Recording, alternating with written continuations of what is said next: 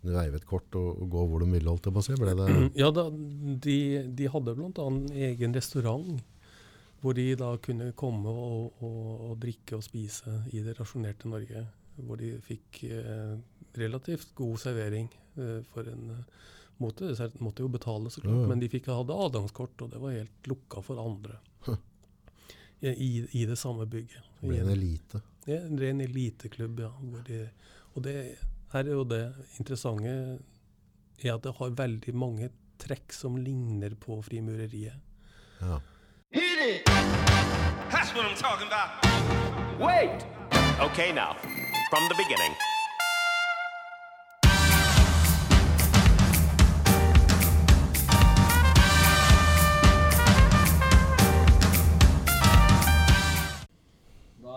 Da er vi på. Tre, to, én. Velkommen til Nordpodden, Ola Karlsen. Takk skal du ha. Journalist, forfatter. Jeg har ikke noe å si på det. Det er riktig begge deler. Det er ikke noe småtteri. Nei. Aktiv, aktiv kar. Ja, vi begrenser oss til det skriftlige, så det er greit. Ja, jo, men det er jo noe arbeid å gjøre at det der òg. Ja. du har jo skrevet boka de, 'Den norske nazieliten'. De ukjente landssvikerne. Og så, og så hadde du jo en bok tidligere her, Profitørene. 'Profitørene'. Dette er veldig, veldig interessant. Jeg håper det. Ja, jeg syns eh, For det er, det er liksom etter en sånn krise så blir det skrevet en historie. Og den lærer vi liksom litt på i skolen. Og så, og så lærer vi å, å tro på det. Kanskje noen fast har sagt at dette, sånn var det. Og så har du støket nesa di ned med arkiver. Ja, altså eh, land, Det som heter Landsvikarkivet, eh, det ble åpna for, eh, for allmennheten eh, 1.1.2015. Enda litt nærmere mikrofonen. Og da, da var det mulig for, for ikke bare forskere, men også journalister, eller, eller hvermannsen egentlig, å be om innsyn i u, Du må si fra hvem du vil ha innsyn i. Du kan ikke bare gå bredt inn og se på hvem alle. Men har du et navn, kan du be om å få, få undersøkt eh, de papirene som ligger på Riksarkivet da, i, i Oslo, eh, på den personen, og se hva, eh, se hva påtalemyndigheten mente var grunnlag for en straffesak eller ikke straffesak i da landssvikoppgjøret som kom fra 1945 og utover. Er det sånn at du kan, søke, så du kan søke opp navn og finne ut hvem som ligger i arkivet, eller er det, må, du, må du faktisk vite? Eh, Du må ha et navn. Eh, Det ikke, du kan ikke bare lete på måfå. Eh, Men har du et, et navn, så, så kommer du veldig langt. De er veldig flinke og veldig hyggelige folk på, på Riksarkivet som, som bistår deg til å finne ut av, av det du måtte lure på. Hva var grunnlaget for at det ikke var åpna før i 2015, egentlig? Eller har det vært noe Altså, mye av det henger jo sammen med at det her er veldig sensitive opplysninger. og man har vært veldig bekymra over både at folk fortsatt skal være i live eh, og, og ta vare på personvernet, men også for barn og barnebarn, eh, som også da har en viss interesse av, eh, av de, de materialet som, som eksisterer. Og, eh, og da venta man jo til, til 2015, og da var det 70 år etter krigen. Den vanlige foreldelsesfristen for, for selv militære hemmeligheter bruker å være 60 år. Okay. Så her la man på ti år til for å være sikker på at eh, de, de, eh, de Med med størst sannsynlighet at alle som var aktive, eh, hadde gått bort. Har du, har du fått noen tilbakemeldinger på, på måte slektninger og sånn som føler at du på en måte gjør vanære på, på, på slekta, eller? Nei. Nei. jeg har fått én telefon som kanskje lå litt i gata, men det var mer på at det var eh, opplysninger som var ukjent for den personen eh, som han hadde han brukt i, i min første bok. ikke så mye at det var, var vanære og sånt, men det var mer at det var overraskende eh, at det var det og det. Ja. Trenger ikke å gå inn på nødvendigvis hvem og, og hva, men eh, det er den eneste negative. Ellers så har det vært eh, positiv tilbakemelding på det jeg har, eh, har skrevet. Ja, for er det ikke, hvis vi, hvis vi skal lære av historien, og det er jo liksom et veldig sånn fundament for oss menneskene, altså det som skjedde var ikke, altså det var, det var stygt, det var grusomt, det som skjedde i hele verden da, men det er veldig viktig å ha en åpenhet og kunne prate om ting etterpå, hvis vi skal kunne forbedre oss som mennesker da, og, og faktisk ta lærdom. Ja, Det er også min, min grunnholdning. Eh, Når jeg ga ut denne boka her, så er det jo 211 eh, personer som man går spesielt inn på. 211 personer som var medlem i en hemmelig eh, klubb for næringsliv og, og byråkrater og, og NS-topper. Mm. Og, og 211 er jo et relativt stort antall. Og da fikk jeg en del kritikk i, eh, i media, eh, særlig Dagbladet, om at det var unødvendig mange navn, og at man trengte ikke å offentliggjøre de navnene. Personlig så syns jeg jo derimot at det er viktig å, å gjøre det. og også at Fordi eh, de fleste familier har enten personer som var tilknyttet NS, eller en eller annen form for motstandsbevegelse under krigen. Så alle har en historie knytta til andre verdenskrig, Mm. som går i familien, som ligger der hele tida. Og den har t- ulike familiemedlemmer nok bearbeida på ulike måter. Noen, kanskje særlig på, på, på NS-sida, har forsøkt å fornekte det, og ikke ønska å, å ta inn over seg det, det bestefar og, og bestemor, eh, eventuelt oldefar, eh, gjorde. Mens eh, andre i samme familie kan ha gått gjennom det her, gjort seg opp en mening om det hele, har bearbeida det og, og er villig til å snakke åpent om det hele. Mm. Og da tror jeg at det blir feil å la de som ikke har bearbeida det, eh, tatt et oppgjør med det, få bestemme hva skal sies og hva skal ikke sies. Mm. Hvor da de som har bearbeida det, ikke skal få lov til å komme til ordet. Mm. Altså, her må man jo på en måte ta et valg en eller annen gang. Nå er det, nå er det da 75 år siden krigen slutta. Det Mm. er 80 år siden den starta. Mm. Um, er- nå er det ikke lenger grunnlag i, i mine øyne for å ikke snakke åpent om også med navn og det som eh, ligger av historier, og, og hva folk gjorde og, og ikke gjorde under andre verdenskrig i Norge. Ja, også, også um, om NS, eller om du er på en måte den ukjente eliten, eller hvor, hvor, hvor du nå enn er en på skalaen. Men de handlingene, de navnene har gjort da. Eh, det kan være små eller store ting, gudene vet. Men uh, at det har vært noen offer og det har vært noen konsekvenser av det, om det er fangearbeidere eller ditt eller datt, uh, så tenker jeg at uh, det er noen som har betalt med livet. Det er noen som har betalt med, med brutte familier og sånne ting. Så da tenker jeg at da, vi skylder dem ikke at, vi liksom nå det, at vi skal gi dem den høfligheten, da, at vi da ikke skal nevne på det. Altså ting må opp på bordet. Det er noen som har betalt på liv og, og helse her. Det er det i aller høyeste grad. Og, og, og nå var det jo Den norske motstandskampen var jo veldig ja, Hva skal man si? Eh, Den var mye prega av, av den sivile motstanden. Altså at man lærere som nekta å, å, å undervise i NS-ideologi, og, hvor mange 500 av dem ble frakta til Kirkenes, hvor de måtte ta og tilbringe eh, lang tid. Eh, prester som streika. Mm. Eh, folk ytter motstand med å jobbe sakte i selskaper som eh, leverte til den tyske, eh, tyske eh, hæren eller eh, til det tyske militæret. Altså Den type motstand eh, Mm. er, er nok viktig for å skape et samhold i, innenfor en, eh, en nasjon. Mm. Men den har jo ingen militær effekt.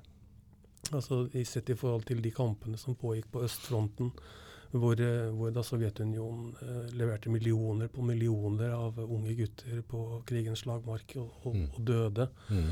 eh, for å knuse nazismen. Så det vi var ikke i nærheten. Vi hadde enkelte motstandsgrupper eh, som, som var aktive fra relativt tidlig. Pellegruppa eller Osvald-gruppa. Partisanene i Finnmark. Mm. Eh, Og etter hvert også eh, det som ble da Milorg, eh, Mm. som deltok aktivt i den militære kampen fra 44. Altså svært seint i krigen, egentlig. Mm. Så for, for tyske soldater å være i Norge, det ble nok oppfatta som en belønning. Her var det nok litt feriehjem. Ja, Du, du risikerte ikke mye ved å bli stasjonert i Norge. tror du de var litt hissigere i Paris, Eh, motstandsbevegelsen. Det det var det i aller høyeste grad. Gikk litt, drakk litt også- mer vin. Og, Også, også et, eh, et okkupert land. Eh, Så, men altså, likevel, altså, det ble jo 350 000 tyske soldater sto i Norge. 350 Det er mange. ja, Det er mye folk. Det er jævlig mange. Ja, det er en lang rekke, altså. Og det har jo bl.a. med at man trodde at en, en britisk invasjon skulle komme eh, i Norge først. Ja. Og bryte den tyske, tyske eh, militærmakta. Mm. Og derfor ble det stasjonert mange folk her. Men den, den, eh, den den britiske invasjonen kom jo aldri. Nei, de hadde, hadde rolige dager, de De, ha- kara de hadde rolige dager og så utover fjellet. Nei, unnskyld, så utover havet. Ja, Og, eh, og så var det i, i Nord-Norge så var det jo spesielt aktivt mot å forsøke å, og, eh, senke konvoiene som gikk til Murmansk med både materiell og matvarer. Men bortsett fra det så var det jo ikke så mye som skjedde i Norge. Men hvis vi går tilbake og så tenker vi på en måte starten av krigen i Norge, og så har vi da landssvikeri, og vi har krigsprofitører, noe som er et veldig vanskelig tema. For eh, noe, altså, noe av det kan jeg ha en forståelse for at det er for å holde hjula i gang, folk skal ha mat. Andre ting så er det helt klart rene overtramp, der de virkelig profiterer, og det, det, er- de gjør det for profitten.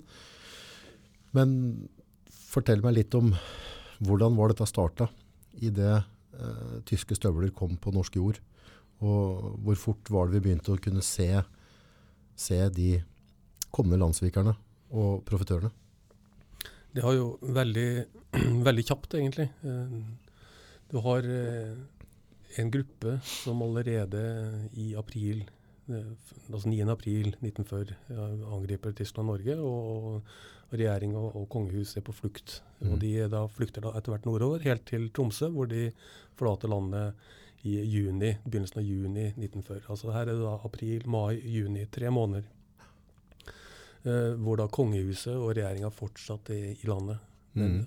allerede i april så er de første kontaktene allerede oppretta eh, mellom norsk næringsliv og, og den tyske Wehrmacht, som er de reelle makthaverne i Norge. Ja. Er det da Quisling som eh, står ved årene og begynner å, å bygge kontakter? Nei, nei, Nei. Quisling og, og NS eh, er i liten grad involvert. eh, Her er da går det direkte mellom norsk næringsliv og, og, og Wehrmacht. Eh, Det gjelder da bl.a. Uh, leveranser av, av trelemmer. Eh, altså Norske flyplasser var ikke bygd for å ta imot tunge tyske bombefly. Nei? Altså Asfalt og betongen var ikke sterk nok? Grunnlaget, altså Hele fundamentet var ikke, var ikke godt nok. Nei. Var ikke bygd for, var, var ikke bygd for militær transport. Nei. Så da, det man måtte gjøre, det var å legge trelemmer, bygge trelemmer. Trelemmer? Vanlige trelemmer, eh, altså som paller, Ja, som man la på flyplassene for å kunne ta imot uh, store fly. Ok.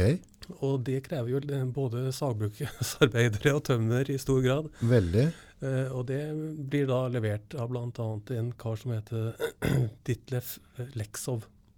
En nordmann som eh, Hørtes veldig lite norsk ut. Det gjør det, men eh, han var, norsk statsborger og har fått oppvokst i Norge. Bodde i Oslo, uh, utdannet seg til å bli det som heter dispatør. Dispasjør heter det vel. Og det er Det er da en, en som eh, En juridisk eh, rolle for, for, eh, for å avgjøre eh, konflikter innenfor et havneområde. Aha. En veldig spesialisert Ja, utdannelse. Men han var da dispasjør i Gdansk, eh, Danzig, eh, i Polen. Eh, I fristaden Danzig, som nå er en del av Polen. Eh, og han var da opplevde der, eh, hvor det var en stor, hovedsakelig tysk majoritet i den fristaten. Eh, hvordan de ønska, de ønska å bli en del av eh, av Hitlers eh, rike. Eh, så som Reich allerede, fristad, allerede på altså- 30. Gdansk, og så var det en stat rett ved siden av Gdansk som var en fristat? Altså, Som ikke var okkupert? Eh, altså etter eh, første verdenskrig så opprettes fristaten Gdansk, som er en, en, formelt en del av Polen, samme utenrikspolitikk, men egentlig en selvstyrt enhet bestående av en tysk, tysktalende minoritet. Ok, det var jeg ikke klar over. Nei, nei, nei, det er ganske fascinerende. Jeg har vært i Gdansk faktisk, og når du sier det så prater man at det var mye tysk. At Ja. det var en av grunnene de ikke bomma de filler, eller, eller, Ja, ja, eller var det derfor de gjorde det kanskje? Nei, altså. En av grunnene til at Hitler invaderer Polen i september 1939, er jo bl.a. å få kontroll på Gdansk og, og den tyske minoriteten som er der. Nå. Eh, men også han her eh, Leksov, da. Han, han er der eh, fra tidlig på 30-tallet og opplever da det stigmaet som da den tysktalende delen av, av befolkningen opplever, og deres eh, begeistring over, over Hitler. Så han melder seg da tidlig inn i, i NS. Og, og blir da, flytter da tilbake til Norge i 1939, før, før krigsutbruddet. Var NS et parti før krigen starta? NS ble oppretta i 1933. 1933. Ja. Og det syns norske myndigheter var greit. Ja, det var et helt lovlig parti. Det var ikke noe stilte til valg og, og hadde sine, sine Ja, de var i allianse med frisinnede Venstre, men jeg husker enkelte okay. steder. Og, og de oppnådde ikke store, store, store valgresultatet? Nei, det var ikke, var ikke det. Jeg trodde NS var noe som kom under krigen. Ja. Nei, det er jo ikke det. Eh, De, de blir desimert eh, i 36-37 ved valgene der. Så det, det, er ikke, det er ikke store partiet det er snakk om. Nei.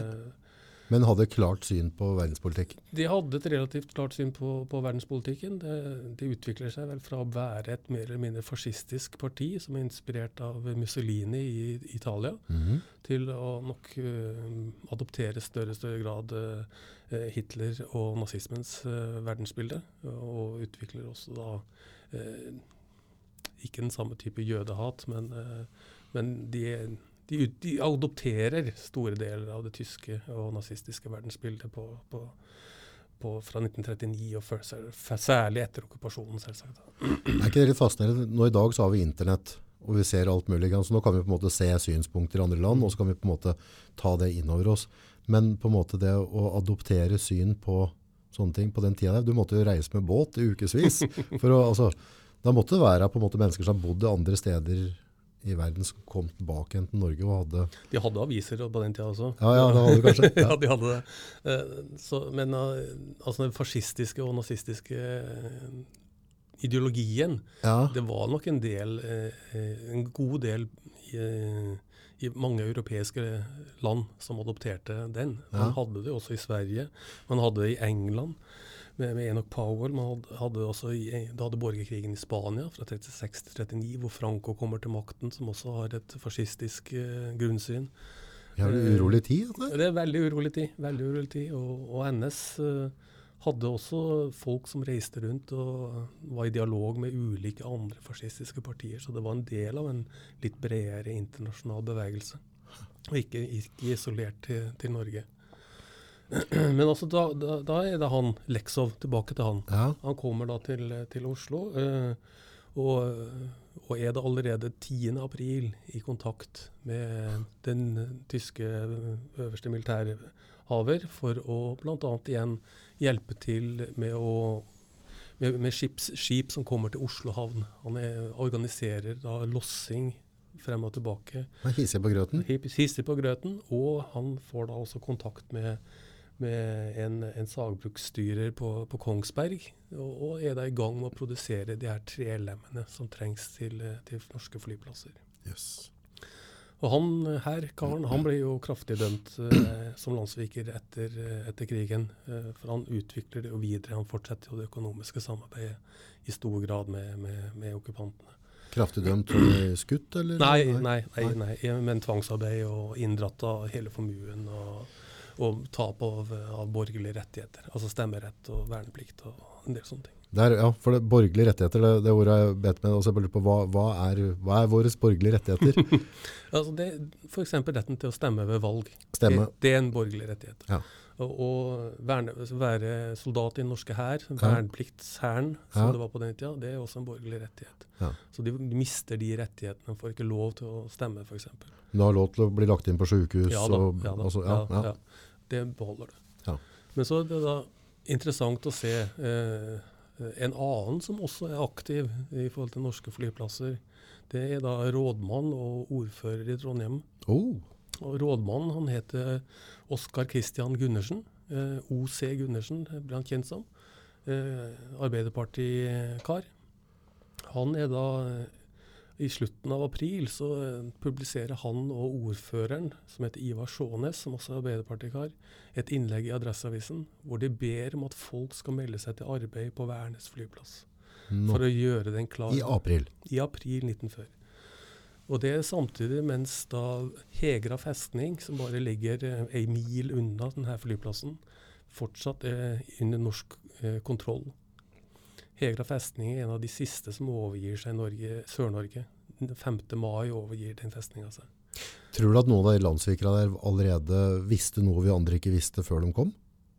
At de var, at de var på en måte forberedt dette her Altså, eh, Quisling, Quisling blir jo dømt uh, i, for bl.a. å ha gitt militære opplysninger til eh, den tyske Wehrmacht eh, under et møte i København eh, 4.-5. april 1940. Hvor, Ja. hvor han til stede og møter tyske etterretningsoffiserer og forteller om norske kystfort,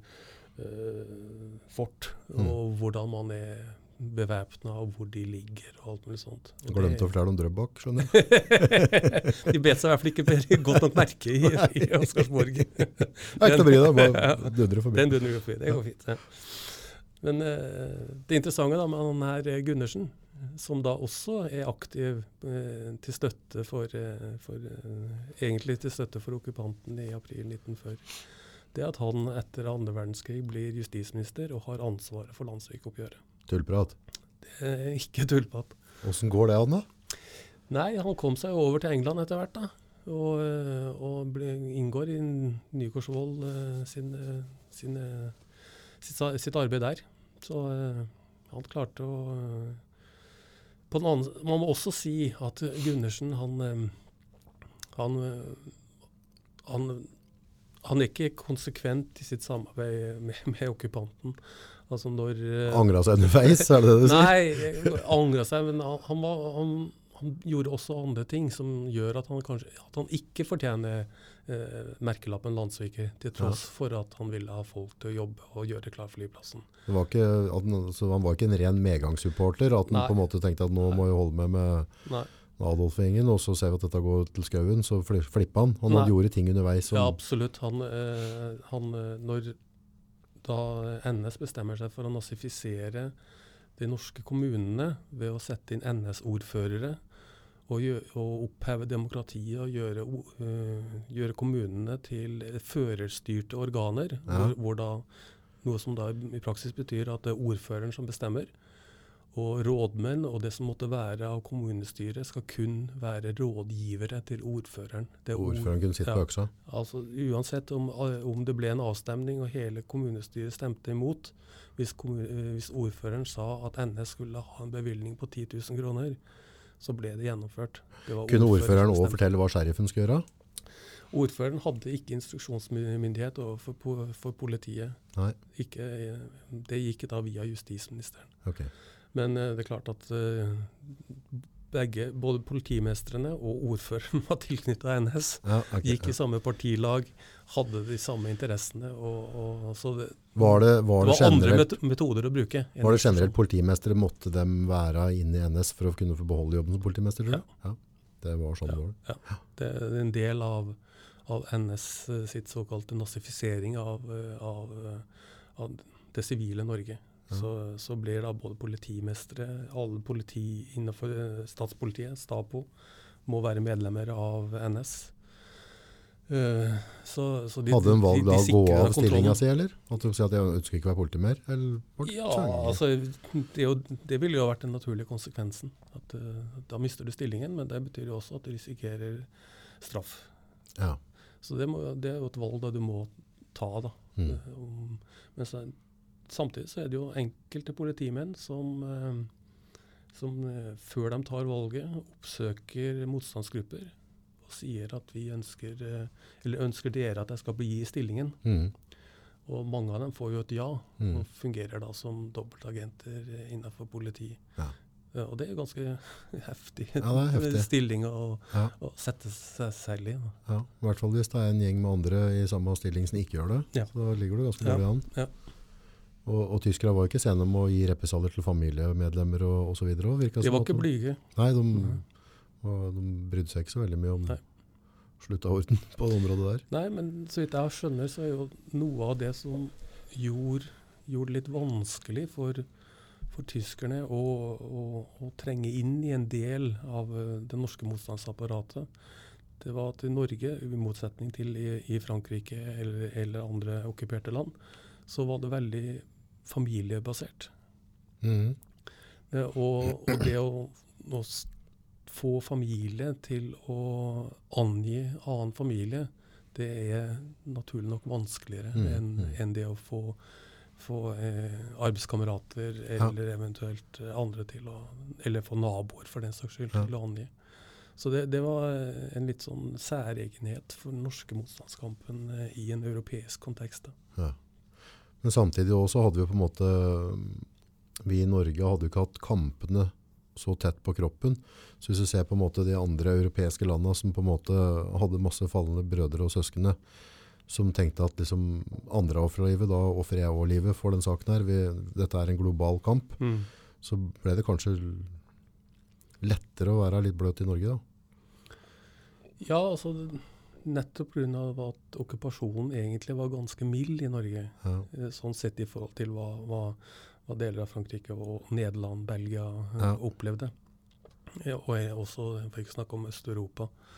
Uh, og de uh, Ukraina og Hviterussland og de, de store områdene i, det, i Sovjetunionen som ble, ble den, i en kortere periode okkupert av, uh, av Hitler-Tyskland. Så, så er det ja, for hvis du har sett liksom hele familien har gått opp i røyk, mm, eh, så tror jeg det går en mer faen i deg, og, og du er villig til å være mer motstand. Absolutt. enn på en måte at du ikke har opplevd det. da. Ja. Så At du ikke tar det så på alvor. Ja, altså de, de, de, tyst, nei, unnskyld, de polske motstandsgruppene lå jo på skogen eh, og, og, og gjorde virkelig militær motstand, som det, så det sang heter. Og skapte vanskeligheter bak linjene for, for tyskerne. Mm. Og så har du jo i Jugoslavia og Hellas, hvor man jo da fikk oppretta mer eller mindre geriljaorganisasjoner som var i stand til å ta og utfordre okkupanten også militært. Mm. Og det noe, så- sånne spor har vi jo ikke i Norge. Det, Nei, de finnes jo ikke. nei. Men fortsatt så er vi veldig tidlig. Vi er jo april, mai, juni. eh, og allerede så begynner vi å få landssvikere Mm. og profitører som, eh, som melder sin interesse. Ja, Ganske tidlig. det er tidlig. Du, da værer du profitt eh, og bryr deg kanskje ikke så mye om moralen knytta til det hele. Utvikla det seg videre utover? Ble det, ble det mer ut av det? Ja, det, det forsterka seg jo. Og det, de som har blitt kjent, er jo de såkalte brakkebaronene. Eh, som jo da, var, særlig innenfor eh, for trevirke, eh, var, var veldig aktive og leverte altså, jernbanesviler, hus, altså brakker, militære brakker. ikke sant? Det er jo 350 Der er jo ja, det er jo 350 000 soldater som skal ha et sted å bo.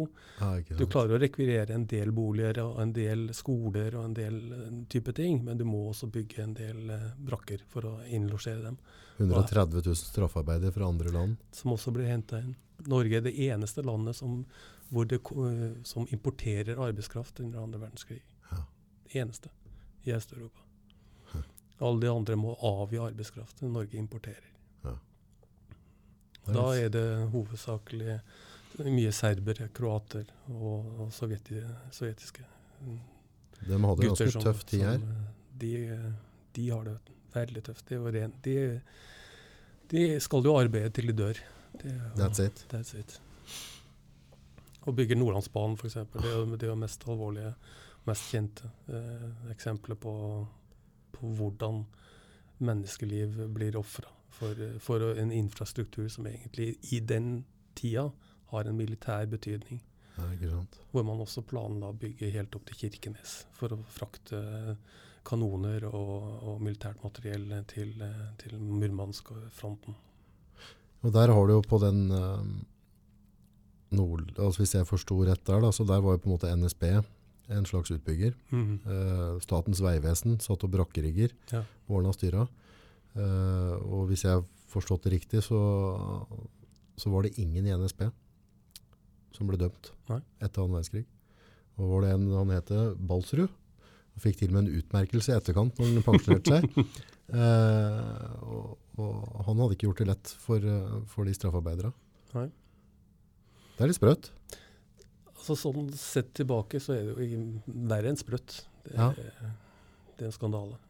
Ja, det, det, det Og det er liksom, når jeg på en måte, nå, nå har jeg kikka litt på ting nå i, påvente at du skulle komme, og det som kanskje skuffer meg mest nå i, i den tida vi lever, da, og de neste, går 40 år tilbake for den saks skyld, er at dem som overlevde det straffarbeidet, eh, og, og familien til dem som ikke overlevde, eh, det virker som det har vært veldig lite oppreisning eh, i etterkant. Altså de har gjort et arbeid der de har betalt med livet, og, og, og det har vært et misbruk og tortur og plaging ut av den verden. Og så sitter det på en måte leder i NSB som bare går stille og rolig etterpå. Det, det er ikke noe mer bråk rundt det. Men at vi ikke da for skam skyld i etterkant kunne kikka i de arkivene der litt tidligere, da, eller fra staten, og så sagt at det som har skjedd der, vi, i hvert fall vi må prøve å ha noe fond, eller vi må gjøre et eller annet for de familiene som lever i fattigdom i etterkant, Mm. og er mest sannsynlig posttraumatiske, og, og blir prega resten av livet. Ja, det, forslaget har jo ikke vært stilt, så, så vidt jeg vet i hvert fall. Ja. Men det er helt klart at eh, jeg ville ikke hatt noe problem med å slutte meg til en, en, den type tankegang, at det ville vært naturlig. Det, eh, ja, men likevel. Det er 75 år siden krigen eh, ble slutt. Det Mm. det er lenge siden. Altså. Ja, veldig. Det vil være et eh, veldig vanskelig, eh, vanskelig jobb. Men vanskelig betyr jo ikke at man ikke skal gjøre det. Nei, nei, nei. Men at du kunne kanskje starta et tidligere stadie, da, på en måte, altså i det vi på en måte beslaglegger verdiene til krigsprofitørene og sånne ting, at kanskje noen av de verdiene skulle gått tilbake igjen til dem som var skadelidende. Det hadde vært uh, framsatt i 1946-47, den tanken, så skulle du ikke se bort fra at det kunne blitt Nav. Ja. Men nå tror jeg ikke det dessverre ikke er noe håp for å få, Nei, nei, nei, få noe sånt igjennom. Nei. Men i boka di nå, De ukjente landssvikerne, altså det var 200 og Det er 211 menn da, som uh, fikk ingen kvinner, Nei, det her var en uh, ren gutteklubb. Altså, Ja. som, uh, som frimurlosjaktig, eller? Det er litt fascinerende, fordi at uh, Terboven forbyr jo de norske frimurlosjene allerede i sept. Ter. Terboven, eh, den tyske kommandanten i, i Norge, som eh, kun hadde Hitler over seg. Ja. Som, eh, som, som var e den som egentlig hadde all makt i, i Norge. Ja. Han forbyr uh, de norske frimurlosjen og, og Rotary og alle de her i den kategorien allerede i september 1940. ja. Og annet fordi at man mistenker dem for å ha bånd til, til England. Og, Ja. og pga. Lukkede fora og lukkede sammenkomster det, hvor NS eller tyskerne ikke hadde innsyn, det var ansett som potensielle motstandsreder. ja. Så det ble, ble forbudt, eh, og eh, alle deres eiendeler ble konfiskert. Å ja, såpass. Såpass. Så hvis du var medlem i en losj, så ble du Altså, losjen ble forbudt, så, Ja. og, og da, er, da, da er medlemskapet ditt opphørt. Ja, sånn sett. ja. Eh, det her blir da gitt som personlig gave, personlig gave til, til Quisling i 1941. Og da snakker vi verdier på rundt 10 millioner kroner den gangen. Og så kan man gange med 20 for å få sånn cirka dagens kroneverdi. Ja. Så, så da Hitler, nei unnskyld, Quisling får da i personlig gave av Terboven eh, alle frimurerne sine hus og eiendeler. Du tok fra hus og eiendeler og alt? tok, ja, altså, som var knytta til losjen, ikke til privatpersoner. Ok, ok, ja, ja, til losjen. Uh, og, det, og, og det da til en verdi av rundt 200 millioner kroner i, i dagens kroneverdi. Det er Litt av en gave. Han Terboven, åssen type var det? Uh, han eh, er en ganske fascinerende person. Uh, han tar livet sitt uh, med å sitte og drikke whisky og, og sprenge seg sjøl i lufta på, i en bunker i mai 1945, når det hele er over. Nå. Eh, han er egentlig uh, utdanna innenfor bank, eh, men, men stiger i gradene i, i det tyske eh, nasjonalsosialistiske partiet. Og får da ansvar for, som Gauleitner i en, i en, en av de tyske delstatene. Men så blir han da gjort til, eh, til eh, Reichskommissær, som det heter, i, i Norge. Var han nazist ut til fingerspissa? Han var var nazist ut til fingerspissene. ja, så det var en Absolutt. uh, ondsinna kar? Ja, altså De fleste vil jo mene at nazismen ikke er en gjeng med, med blomsterelskende Ja, ja. mennesker som danser rundt uh, Men hører ikke til i Kristiania, liksom? Nei, det, det er liksom ikke Det er ikke der vi ligger. Men han var da ideologisk nazist og, Ja. og trodde fullt og helt på, på saken. Raseutryddelse. Ja da, det var full pakke, det. Og han eh, blir jo da eh, eh, Ja, han reelt sett den som bestemmer i Norge. Reelt sett så han har, bare Hitler over seg, så ingen kan, andre kan ta og kommandere han. Så han, han er nok den som setter standarden. Og han, han blir jo spesielt interessant mot slutten av krigen, okay. hvor man ser hvor det hele ender på kontinentet. Så utvikler han en teori om at man, de tyske styrkene skal befeste seg i Norge. Med da igjen 305 Last standing, liksom. Last standing, og bruke Norge som forhandlingskort i det, i, eh, etter at uh, kapitulasjonen på kontinentet er gjort. Gira opp bygging og jordskjelv? Han. Han, ville da ja, bruke Norge og, og, si, og, og, virkelig, virkelig gjøre det til det siste stedet hvor man skulle, skulle, for- skulle forskanse seg med Ja. nazistiske tropper. Men han får ikke gjennomslag, i, i, til tross for at han møter da i begynnelsen av mai, så reiser han til Flensburg, hvor da det tyske, etter Hitlers selvmord, hvor tyskerne sitter helt nord i, i Tyskland. Men han får ikke gjennomslag for sin idé. Nei. Så desillusjonert så drar han tilbake igjen til, eh, til Norge og sitter da på Skaugum, eh, som han har uh, tatt fra, fra prinsen, kronprinsens uh, eiendom. Hvor han da sitter i en bunker og drikker seg full og sprenger seg i frigjøringsdagene. Det er en ganske kraftig historie. Hadde han familie også sånn med seg, eller? Så vidt jeg vet, så hadde han ikke, ikke familie med seg. Nei, så han var ikke av den som sprengte Nei. familien og alt? Nei, Nei. det gjorde han ikke. Ikke det, ikke der. Nei. Men da har jo Quisling fått eiendommer for et par hundre millioner, Ja. Uh, og har litt penger i baklomma, ja. og det er en klar enhet om at hemmelige grupper skal ikke være mulig i Norge, og så er det 211 gubber ja. som begynner å samles. ja altså, eh, Mange? 211? Det er mye, mye folk. Altså, det er håndplukka medlemmer. Eh, Du skulle ha gjort deg fortjent til å bli medlem i denne klubben. Okay. Men eh, før det så velger da Quisling ikke å, å benytte denne eiendommene personlig, men han oppretter et, et fond som han overfører alle verdiene til. Og det her fondet bruker da eh, frimurerieiendommene til å lage NS-hus i masse ulike byer, bl.a. på Hamar her nede, og i Trondheim og Ålesund. Og, Så den losjen som er på Hamar, den har vært en NS var- det- under krigen, på det, en var, måte? det var NS sitt hovedkvarter under krigen. Så den var beslaglagt? Det var, det var Quislings eiendom, og Quisling overførte det til fond. Og fondet lot NS få lov til å, til å bruke bygget som de ville, mot å betale litt husleie, så klart. Og det samme skjedde da i, i Oslo, hvor de i Nedre Vollgate 19, rett ved siden av Stortinget, hvor de har eh, Store norske landslosje, har, byg, okay. har bygd, eh, bygd det i 1890 et eller annet. Et, et eget bygg spesialtilpassa for losjeformål. Er det i bruk i dag? Det er i bruk i dag nå. Det er ført tilbake igjen til losjen. Og de driver og iverksetter og retter opp etter at NS bl.a. forsøkte å bygge om en god del eh, av, av deres hem, de, de ulike rommene som de bruker til ulike ritualer. Ja. NS bare måka inn og, og reiv ut. Og, og en periode så, så, så oppretta de bare en, en, et filmlokale i et av de store eh, rommene der, hvor de viste filmer fra, fra krigføring og propagandafilmer og alt mulig rart. Og der, eh, der finnes det fortsatt kulehull i, i veggene fra, fra når eh, de ville festene som de hadde der på Det var da Ville Vesten? det var litt sånn eh, Ja. ja. Vi hadde med våpen, og det ble, ble, ble skutt der inne. da. Og, der eh, får da bl.a. denne Normanna-klubben eh, anledning til å bygge egne lokaler. Eh, Normanna-klubben? Normanna-klubben kaller de seg. Som nordmennklubb, på en måte? Men eller, Eh, Ja, hadde det noen annen betydning? nei, det, altså, du hadde noe som heter Normanna-forbundet, og det var da knytta til nordmenn som hadde emigrert til USA. Ah, Eh, og man ønska eh, i en periode også å bruke utenlandsnordmenn til å propagandere for NS. Eh, og også det å, å bruke det apparatet som da det her Normanna-forbundet hadde, til å spre propaganda for NS. At alt sto vel til i Norge. Bl.a. for å påvirke eh, beslutningstagerne i USA om å ikke eh, involvere seg i andre verdenskrig.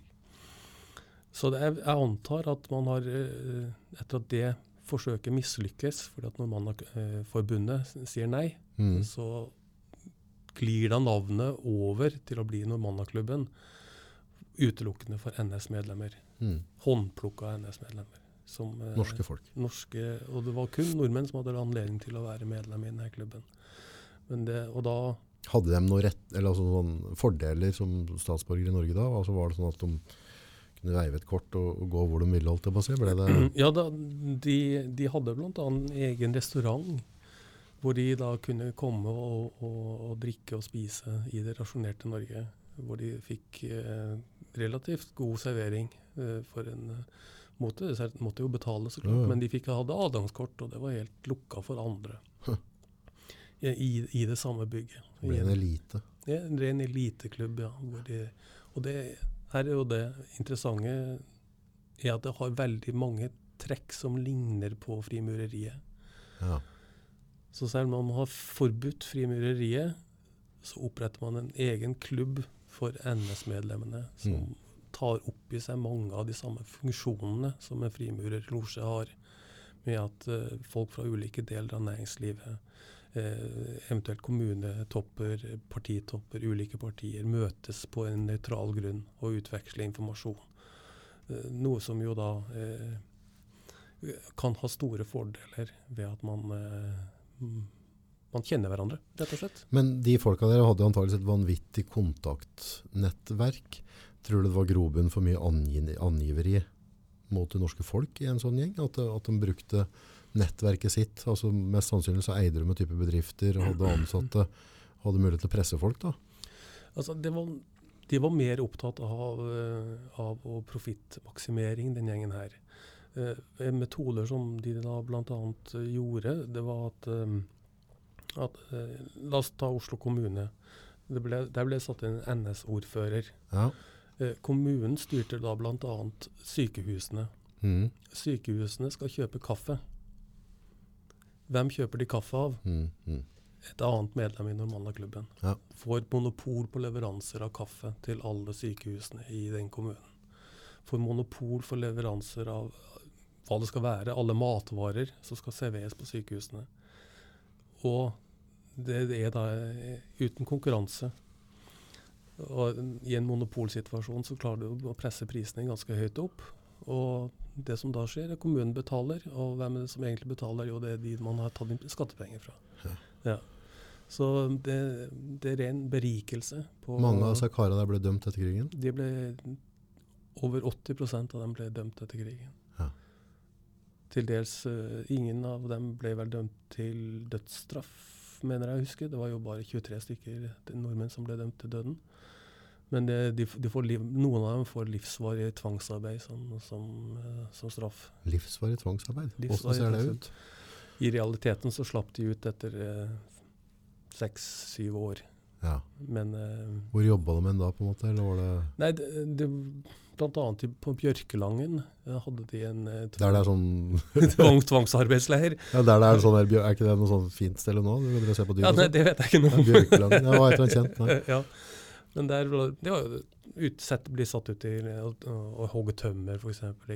Det å anlegge vei. Den, den type arbeidsoppgaver fikk de. Det ble et dårlig regnestykke for dem, da. Til slutt så, så kom det ikke så bra ut av det. Men eh, de hadde jo fem, fem gode år først. Men det livsvarige, det, det eksisterte ikke da. Nei, i realiteten så ble det ikke eh, Jeg tror ikke noen av dem døde heller mens de var i fangenskap. Så jeg tror det Var det noen av de kara der som hadde klart å sylte unna, som kom seg opp og gikk igjen etter uh, tvangsarbeidet? Som, som skjøt fart? Eh, Jeg klarer ikke å ta det på hukommelsen. Jeg tror ikke det, altså. Nei. Jeg tror de der var såpass Neotribbe? Ja, de var så kraftig eh, stigmatisert at de ikke klarte å, å bygge seg opp igjen. Men Det med dømminga etter krigen, altså det var sikkert masse, masse rettssaker og mye styr, landsvikeri.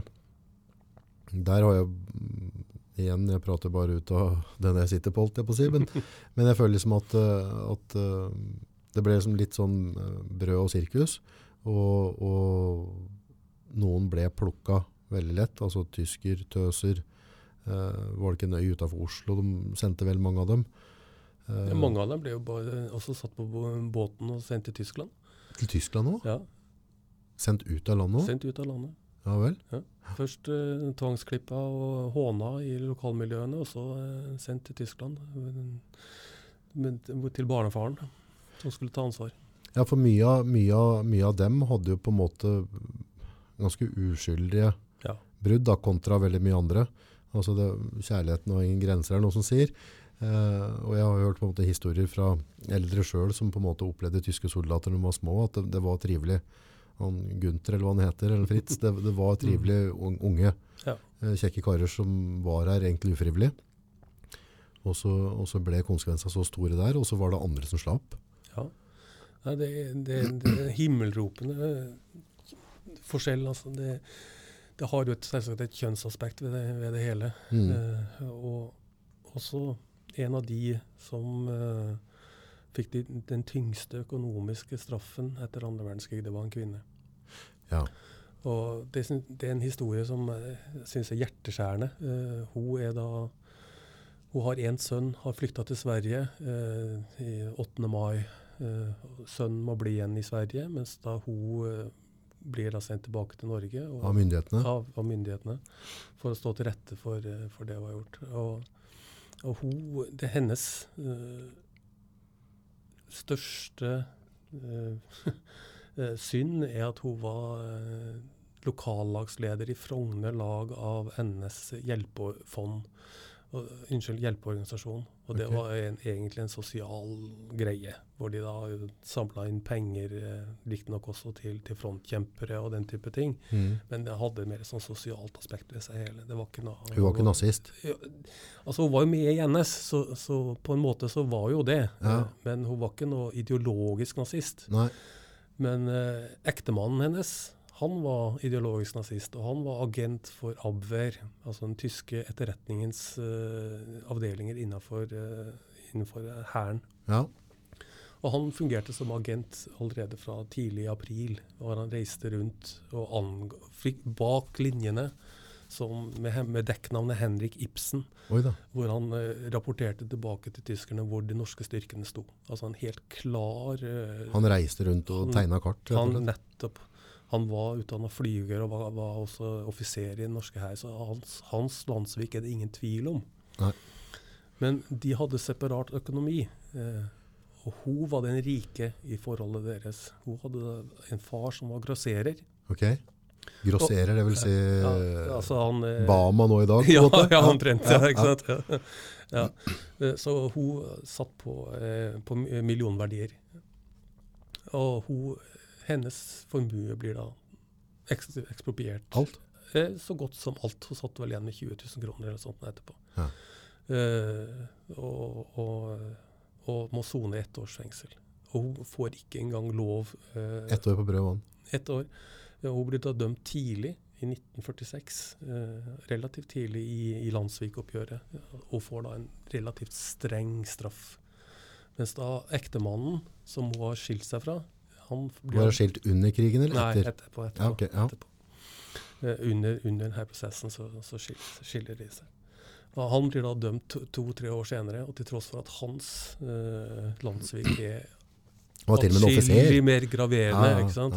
så får han bare en, jeg tror det var to eller tre års fengsel.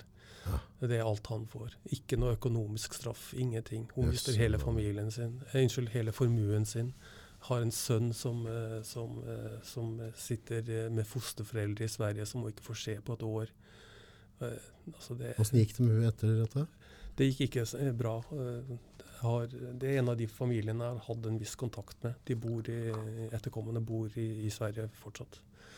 Og hun ble en bitter kvinne, og hun klarte ikke å ta, ta godt hånd om sønnen sin når hun kom tilbake igjen. Så hun ble skada.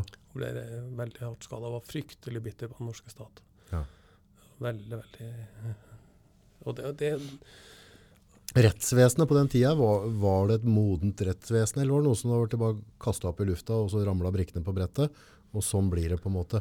Var det, var det en rettssikkerhet, tenker du?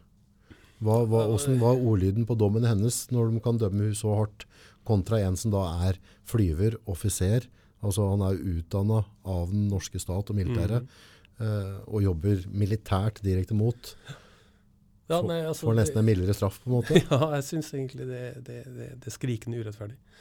Eh, det, viser jo også hvordan landssvikoppgjøret endrer karakter fra de første dommene, eh, som kommer da fra, fra høsten 45 eh, og inn i 46. Eh, de, de, de er strenge. Da, da er det hevnmotivet som helt klart dominerer. Mm.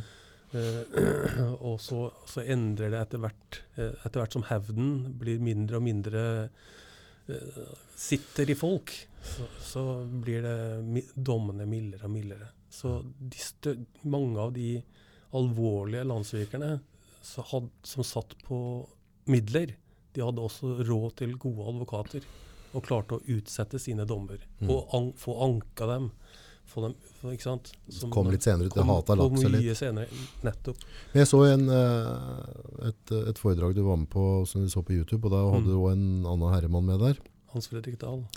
Uh, og han er jo litt eldre enn både meg og deg. men, men der ser jeg liksom at uh, han tygger litt tenner ennå, og Mm. syns folk slapp billig. Altså, altså, han har kanskje følt det enda mer på kroppen, da, eller også vært en større del av livet hans.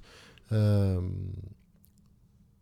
og der, der merka jeg liksom at, at bitterheten var litt Mm. på de landsvik... Altså, den satt litt i kroppen hans ennå, eller tar jeg feil der?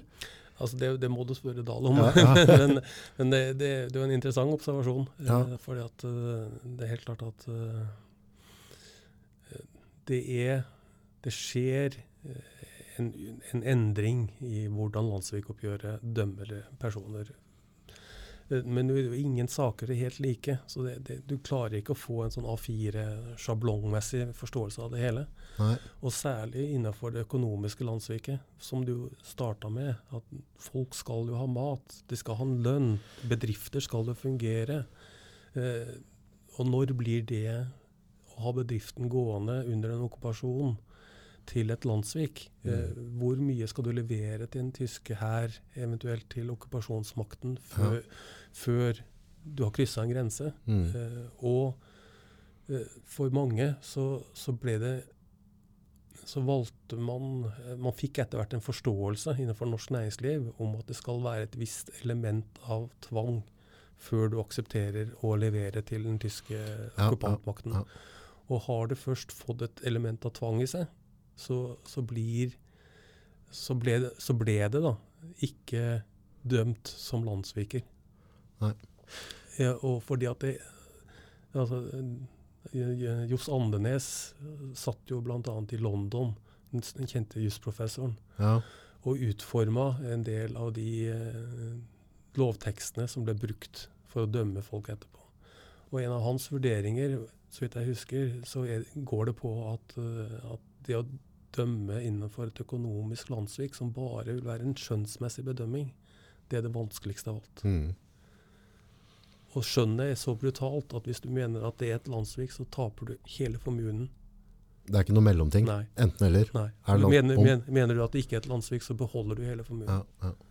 ja for det, Det- dere hadde jo en historie, var det, om det var Drammensområdet eller hvor det var, en, en buntmaker. Ja, Ja, øh, hvis jeg forsto rett da, så var det en buntmaker, altså det er sånn som kunne lage pelsklær ja, ja. og sånne ting. Uh, og du kan fortelle oss litt om den historien der, for den, den dommen der var litt interessant i forhold til det han og sønnen hadde gjort. ja de, de var, sønnen var jo han var jo økonomiansvarlig for Milorg-distriktet i Drammen. Et av de- Motstandsbevegelsen. Selve motstandsbevegelsen. En av de mest aktive motstandsgruppene i Norge innenfor Milorg-systemet var den i Drammen. Ja. Og han, han var økonomisjef der. Ja, så han hjalp til med penger. Han hjalp til med penger, tok penger fra bedriften og ga til Milorg. Og finansierte en del av Milorgs aktiviteter. Og hadde en dialog med Milorg at vi gjør det sånn. Ja, ja. Og, og de satt vel da ikke-faglærte folk til å lage hansker og tyskere, gjorde de ikke Ja, det? ja, Med ja. dårlige sakser. Ja, ja, ja. Ja. De, de ville forsøke bl.a. å sabotere en del av produksjonen, samtidig som de leverte kvalitetspels til offiserer f.eks.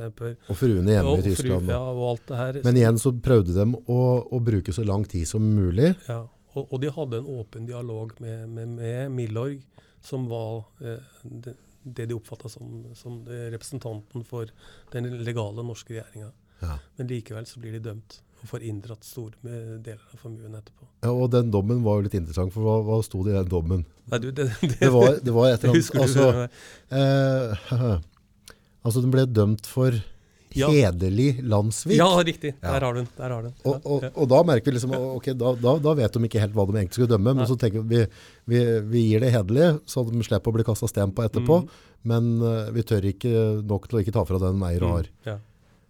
Det er litt sprøtt. Det, det, er- det er veldig, veldig veldig rart. For å si det mildt. Veldig Ja. rart. Ja. Du har jo dykka masse i dette her. Eh, sånn overall følelsen, føler du at det var for mange som slapp unna?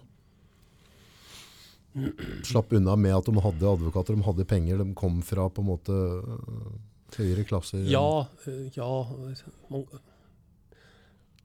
man kan si det. Eh, Ja, det kan man. Eh, Men jeg velger å, å likevel å si at eh, så min oppfatning av landssvikoppgjøret som sådan, mm.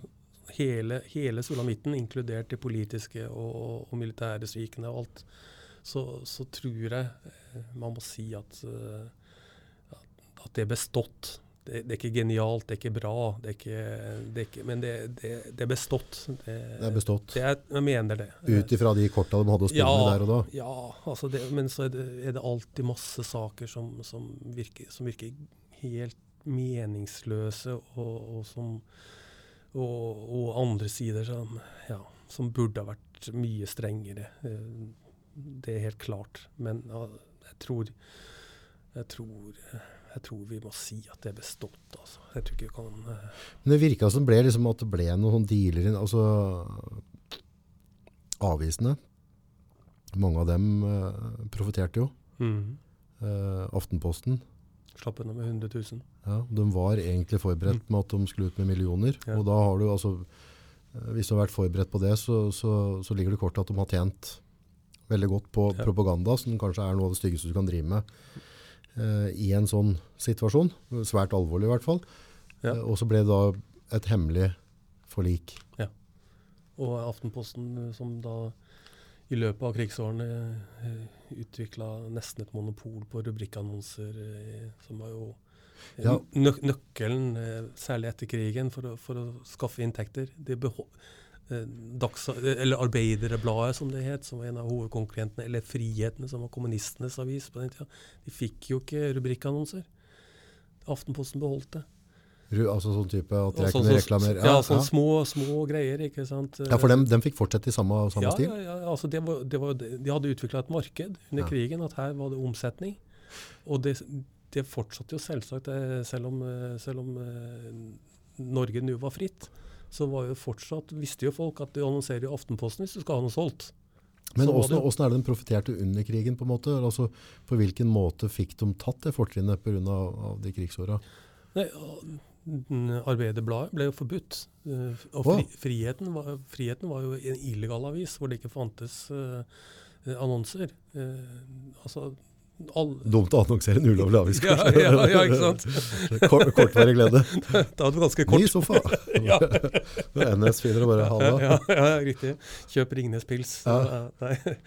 Nei, så, så det, Men hvorfor fikk de lov til å drive Altså gjorde de redaksjonelle altså, redaktørene i Aftenposten ble bytta ut og, og ble NS- eh, og tyskervennlige. Ja, Og de lot seg sensurere. De, de la ikke ned avisa. ok. Så de, Og andre valgte da å si at andre, andre fikk enten ikke lov til å fortsette, eller, eller, eh, eller ble nedlagt i løpet av krigen. Dette er jo på en måte kjernen i eh, altså Hvis du går tilbake altså sånn, Nå er jo du journalist. En type etterforskende journalist, er det det går under? eh, og grunnprinsippet der, liksom, noe som skal liksom ligge mye mye sterkere i ryggraden din enn en veldig mange andre, er at eh, du skal ikke la deg sensurere. Mm. Du er der for å rapportere den faktiske situasjonen. Eh, og det er en sånn litt ærefull oppgave. Altså, du, du blir gitt et talerør, altså du kan på en måte påvirke veldig mye med blyanten din Mm. og, og din etterforskning. Eh, og det å da ikke la seg sensurere eh, og være korrupt, da, Mm. at jeg kan gi deg en konvolutt, og så lar du være å skrive om det, Ja. det er ganske sånne der, eh, ting du ikke skal røre ved hvis du er, hvis du er journalist ut til fingerspissene. Nei, i, i dagens verden så er jo det fy, fy, fy. Ja. Eh, Men det er, Har det ikke vært det alltid, tror du? Forhåpentligvis har det alltid vært noen som har eh, ment det. Mm. Men det her er jo også fra, på 30-tallet, eh, allerede da, så fant, var jo avisene var jo stort sett partiaviser. Ja, ja ikke sant. Ikke sant? Så du hadde et, et politisk element i det hele. Du, Ja. du skrev ikke noe i, i Arbeiderbladet som gikk imot uh, Arbeiderpartiet. Mm, -hmm. Altså Du kunne ja, selvsagt la kritiske stemmer komme til orde og en del sånne ting, men, men det, det, var Martin Tranmæl som var, eh, Ja. var høvding i, arbeid, i Arbeiderbladet på den tida. Så selv der så var det jo en form for sensur. Mm. Så det var ikke et ukjent fenomen eh, i, i Presse-Norge at det eksisterte politisk eh, sensur innenfor de ulike mediene. Men kjøpte du flere forskjellige aviser, så ville du få ulike syn. Ja. Ikke sant? Fordi I et demokrati så kommer jo det tross alt til uttrykk. Men i det okkuperte Presse-Norge, så eh, fra jeg mener august 1940, så, så begynner innstramningene eh, og kontrollen og, og, eh, på hva som skal skrives. Mm. Og, og det utvikler seg da mer og mer og mer. Og det er da spesielt eh, måten sensuren fikk uttrykk på. Det var jo bl.a. at tyske militære nederlag på østfronten f.eks. fra 42-43 og utover fikk, eh, ble omskrevet som eh, taktisk tilbaketrekning. eh, ikke sant? Mm. Eh, altså, Ja, ja. Man, man bruker andre ord Mm. eh, som, som da okkupantmakten kan akseptere. Dette, dette er jo litt sånn der Rører ved en ting som nå, nå har jo ikke jeg grunnlag egentlig, altså jeg kan ikke nok om dette her til, til at noen skal høre på meg i hele tatt. Men det med å være journalist, da, eller altså det, det, det å skrive ting i, i aviser, altså ting som blir publisert og, og på en måte servert ved frokostbordet til folk, tenker jeg at uh, det er på en måte en, eh, det er en, eh, en, oppgave, en nasjonal oppgave. Altså, det, er, det er veldig viktig for å, å ha et opplyst folk. Det har veldig mye å si på demokratiet.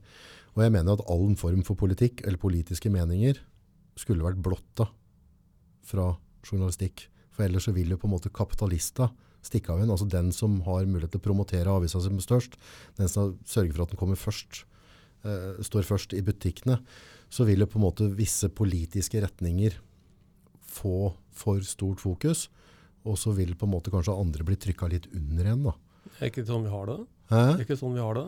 Jo, og jeg, jeg synes det er litt sånn hadde, hadde vi kunnet på en måte plukka ned det, og så begynt på nytt, så kunne jeg liksom tenkt liksom at i, i en utdannelsefase så skulle det vært like mye på etikk og moral for deg som journalist. At greit, du kan ha det synet, det er helt greit, men oppgaven din for nasjonen Norge er å, å på best mulig måte reflektere den faktiske situasjonen, Uh, og ikke omskrive for mye og bruke ordvalg.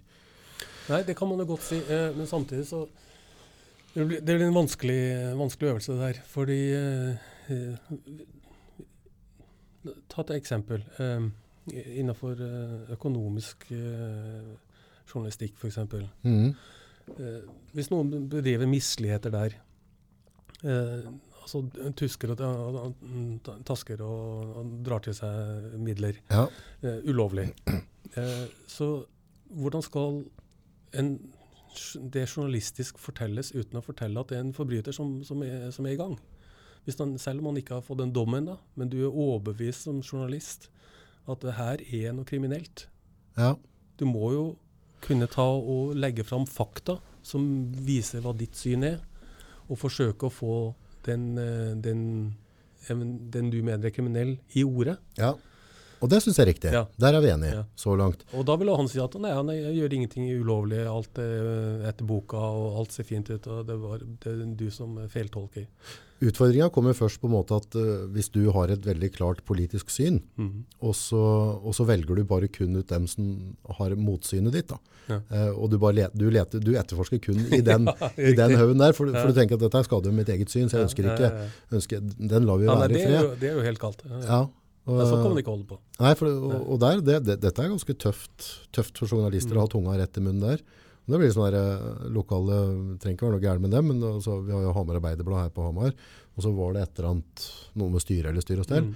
og så er det på en måte eh, ordføreren i Ringsaker med i et sånn krisestyremøte. Mm. Da sitter jeg på en måte som ordfører, men når det er krise i det som er det store lokale mediet her i området, Mm. skal da inn og være med og regulere. Tenkte, liksom, jeg har jo bare ikke tenkt over det før. så tenkte, jøss, blir ikke det litt feil her, liksom, når vi skal stille til valg? Ja, nei, Dobbeltroller er, det er, det er noen faenskap for politikere. Det er skummelt. Ja, det, det er veldig vanskelig. Men jeg, kan ta et annet eksempel. Eh, for å synliggjøre noe av det som kanskje er en, mer, en, en, en viktig problemstilling for journalister. Jeg skrev en sak om at eh, et eh, medlem av den nordiske motstandsbevegelsen eh, i, i Trondheim, som er opprinnelig svensk statsborger, Altså, er det noe som er nå, eller for krigen av? Nei, det her er for bare var like før jul. I oh ja, så det er et eller er annet nordiske Nordiske motstandsbevegelsen, som, okay. da, som da den svenske eh, etterretningstjenesten mener er en nazistisk organisasjon. Ok, ok, ja, så det, det er eh, ekstrem Ja, det ja, de driver bl.a. med våpenøvelser i, i Ukraina. Og Usunt. Ja, en del og har et veldig et menneskesyn som ikke eh, som, som hører hjemme på i, i Ja. Auschwitz 1943 som, okay, okay, som leirkommandant. Ja. Eh, og så skriver jeg da eh, saken om at hun er da eh, fratatt eh, våpenlisensen sin i Sverige Ja, fordi bl.a. svensk etterretning mener at nordiske motstandsbevegelsen er en rasistisk og nazistisk organisasjon som driver våpenøvelser, og man kan ikke vite om, om våpnene ikke kan bli brukt i en, i en konfliktsituasjon. Ja. Jeg synes jo det er en viktig nyhetssak. Ja klart det. Ja. Ja, ja, Hun bor i Norge ja, ja. eh, og har fått fratatt uh, våpenlisensen sin i Sverige. Eh, eh, det blir bl.a. også da meldt inn i Pressens faglige utvalg, fordi at vi navngir personen. Ja, ok, ja, ja, klart den er jo Ja, og, og, men det som heter PFU, syns at det er greit innenfor konteksten at det er riktig å gjøre. Ja. For hun er bl.a. ansvarlig for 22. juli-monumentet, i- eller var ansvarlig for 22. juli-monumentet i Trondheim. Okay. Etter eh, de AUF-erne som ble drept på Utøya i 2011. ja. Og det er jo kanskje ikke en heldig rolle for å ha et, eh, et, et nei, menneske nei, som nei. da er knytta til denne bevegelsen Mm. eh, i den rollen. Uh, men så, så skulle man jo tro at saken dør hen, men det gjør den ikke. Eh, fordi at jeg mottar fortsatt eh, trusler ja, så klart. av eh, hennes støttespillere Ja, i ulike sosiale medier. ja, Som da forsøker å, å presse meg til å ikke skrive om den type ting. ja. Det opplever jeg som et større demokratisk problem. Ja, ja, uten tvil. Altså, for, altså, ytringsfrihet, Mm. det er liksom det er en av de store, store godene vi har. Det er Ja. derfor du og jeg kan sitte og prate som vi gjør nå. Ja. Eh, og, og jeg mener at, nå husker jeg ikke hva denne gjengen heter, eller er en dritt, men de kan hete hva de vil, og de kan få lov til å ha hvilken tro og retning de vil. Det er, altså Vi har lov til å tenke hva vi vil.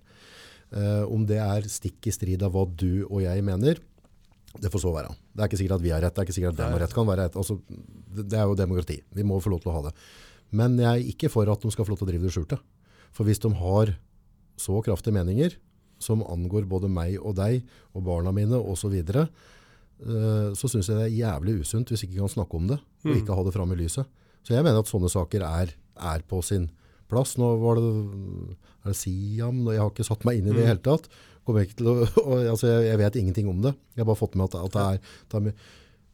Men dem skal få lov til å ha stemmen sin, Uh, men da må de også tåle å bli sett i korta, hvis de skal ha det. Og, og da må de også tåle at du skriver om dem. For, det, for ellers, så er altså, dem skal ikke sitte og bestemme demokratiet. Du og jeg skal ikke, altså, er det åpent, så er det åpent. Og har du ekstreme meninger som går utover andre mennesker, så fortjener det å være oppe i dagens lys. Da Ja, må folk også, vite om det. Ja da, og så har vi jo også rasismeparagraf i, i Norge som gjør at det, du kan straffes hvis du kommer med rasistiske ytringer. Som jo da kan kanskje være måten uh, som jo heller Sian uh, bør uh, se, ses i kortene på, enn Ja. nødvendigvis å, å drive på og kaste Ja, for da dere slåss nå. Ja, Ja, ja. det, Ja, nei, for det, det er jo på en måte sånn her, si, si at du og jeg mener at, eh, at vi skal ikke ha sånn og sånn og sånn syn. Eh, men det, det, vi har jo sett det gang på gang i verden at ved et eller annet tidspunkt så er det en, en, eh, en større gruppering som dikterer hva folk skal få lov til å tenke. Og da, da, er vi liksom, da begynner demokratiet, eller altså den uh, talefriheten vi har, å bli Mm. borte. Men jeg syns det er kjempeskummelt når du har hemmelige grupperinger. Altså, for det, hvis ikke tåler dagens lys, så, så, så skal du jaggu opp i lyset, tenker jeg. Ja, Ja, det- for da, det må- da, fortjener, da fortjener jeg for å få høre om det. Ja, ja. Så jeg tenker at det var sunt. Og, og klart det er jo dritt for deg da, å, må ta den oppgaven og ta de trusla. Mhm. Men det har jeg sett i podden her tidligere, og jeg har jo fått innboksmeldinger der jeg har hatt noen som har hatt andre meninger, Mm.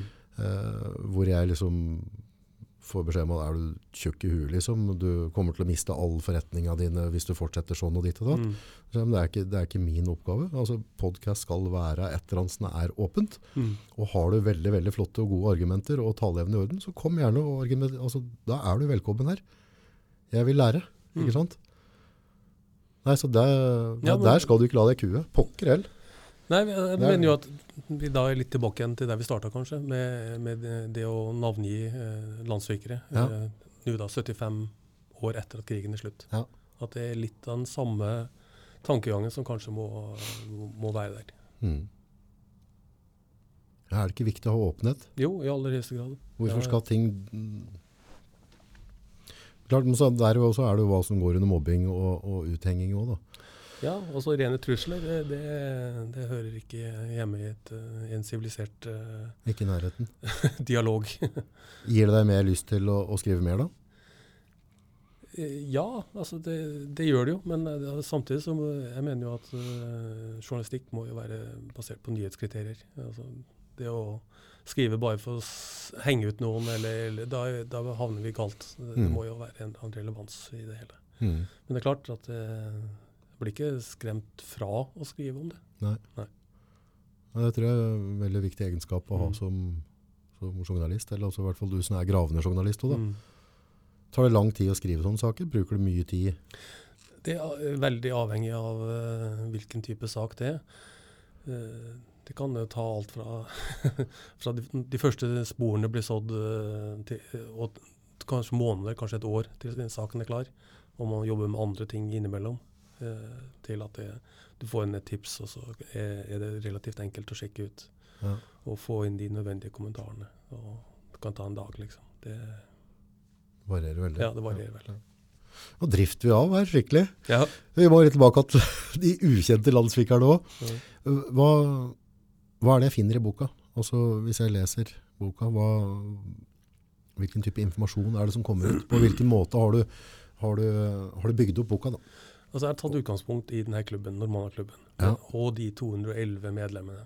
Eh, Jeg fant medlemslista som var à jour per mai 1945 Mhm. hos eh, han som var eh, grunnleggeren av klubben, Alf Larsen Wist, mm. som, som avslutta som næringsminister i Quislings uh, regjering. Ja, det var godt det var den regjeringen. Jeg tenkte, jeg tenkte bare, oi, oi, oi, hva skjer det der? Eh, han, han var da eh, høvding for klubben, og starta han, og det var 211 menn som var invitert inn. Ja.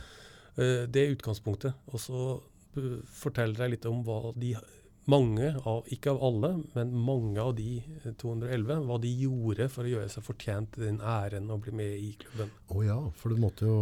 Ja, og, og, og det mener jeg da å ha ganske detaljert eh, bl.a. Eh, vist hvordan eh, NS-staten eh, berika NS-medlemmene. Hvordan de beskytta hverandre og bygde hverandre opp. Hvordan eh, bl.a. Eh, Riksadvokaten på den tida, som også var NS-medlem, ba om at eh, hvis det var noen i Hirden, som var den, eh, den halvmilitære delen av NS-systemet, hvis noen av dem hadde banka opp noen motstandsfolk, så ba han om å få beskjed før saken kom inn i rettssystemet, for å da kunne han holde den utenfor rettssystemet. Ja. Så de ikke fikk den straffen som de da skulle ha fått. Selv for, for Quisling mente jo at han ikke hadde foretatt noe som opphevde den vanlige verken grunnloven eller straffeloven, at det fortsatt eksisterte i Norge. Å ja, han var... Ja. Men, mens da metoden de gjorde, var å holde ting utenfor rettssystemet. Så her kan vi få, i boka så er det da detaljerte historier på hvordan den på en måte Ja. opparbeider seg æren å komme i den elitegruppen. Ja. Hvordan da blant Riksadvokaten var selvsagt medlem der. Hvordan han som, eh, som fikk monopol på, eh, på kaffesalg til, eh, til sykehusene i Oslo, han var medlem der. Mm. Eh, han fylkesføreren i Hedmark, eh, han var medlem der. Eh, han fikk bl.a. i oppgave av Quisling å, å kartlegge Helgøya som et tilfluktssted for Øya? ja, øya, Ja. rett og slett. Som skulle være et tilfluktssted for, for NS sin stab eh, mot slutten av krigen, hvis Oslo ble Hadde de da funnet noen gårder de skulle ta over? og ditt og De hadde kartlagt alle beboerne på Helgøya ut ifra politisk eh, Yes. tilhørighet, som de hadde vurdert, ned til et spedbarn som var født i 1944. Som da ikke hadde noe grunnlag for å ha en politisk virksomhet, var, var dokumentert som, eh, som eh, Jeg tror det, eh, at det spedbarnet var dokumentert som kommunist. Nei. Og skulle, skulle flyttes fra Helgøya før Quisling og staben kom inn. Eh, og da skulle de blant, og Helgøya ble også brukt eh, som, eh, som sted for, å, å, for de prestene. Jeg tror det var nærmere nesten 60 personer med familier som var, var, var prester, som ble deportert til Helgøya og bodde der fra 1944 og utover. Så der står det litt historie om Helgøya. Ja. Og, og det her er jo da foregår parallelt med at uh, Wehrmacht flytter sin stab fra Oslo til Lillehammer. Så planla Quisling å flytte sin partistab og NS-stab til Helgøya. Hm. For å være nær Wehrmacht. Hvis og han planla det, da. Det ble det ikke gjennomført, men helt ned til detaljer. Hvilke gårder som var mest aktuelle å bruke. Hvor var det mulig å bygge tilfluktsrom. Eh, hvordan skulle man opprettholde kontrollen? Var det mulig å gi noen gårder til eh, tidligere frontkjempere som kunne være der og hjelpe oss i, i Forsvaret?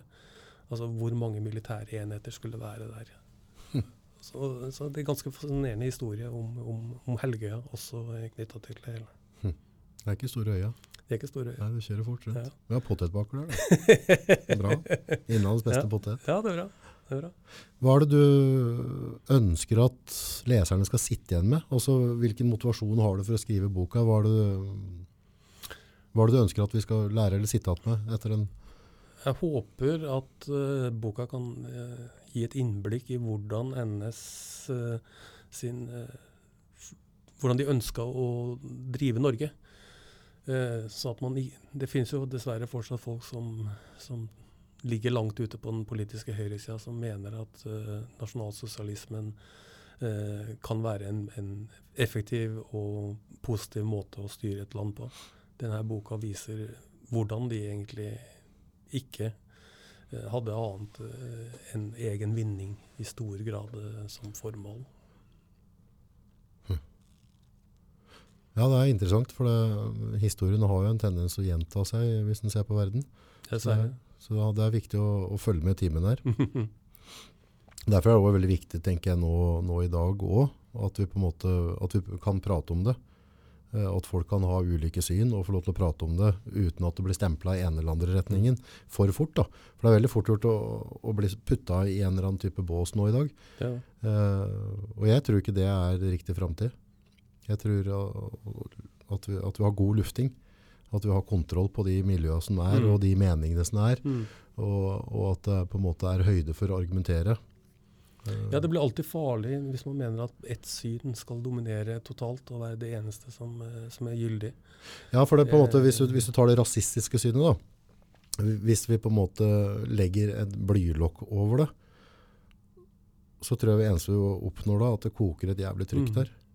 Eh, barna mine er jo halvt fra, sånn genetisk, halvt kambodsjanske.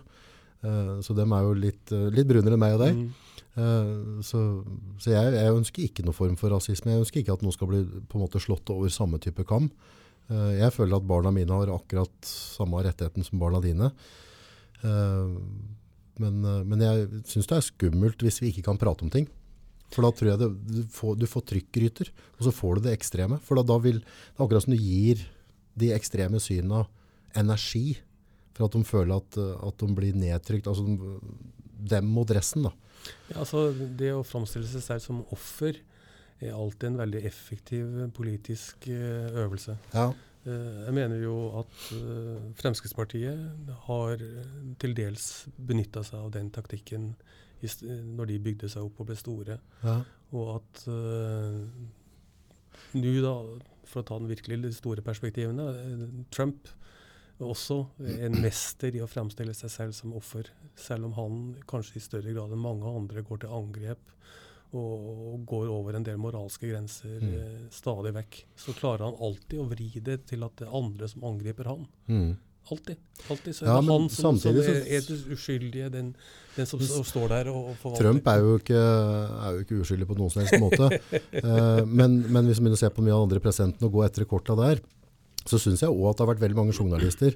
Og, og, og, og jeg må jo la meg imponere hvor ofte VG og Dagbladet klarer å skrive om denne gubben.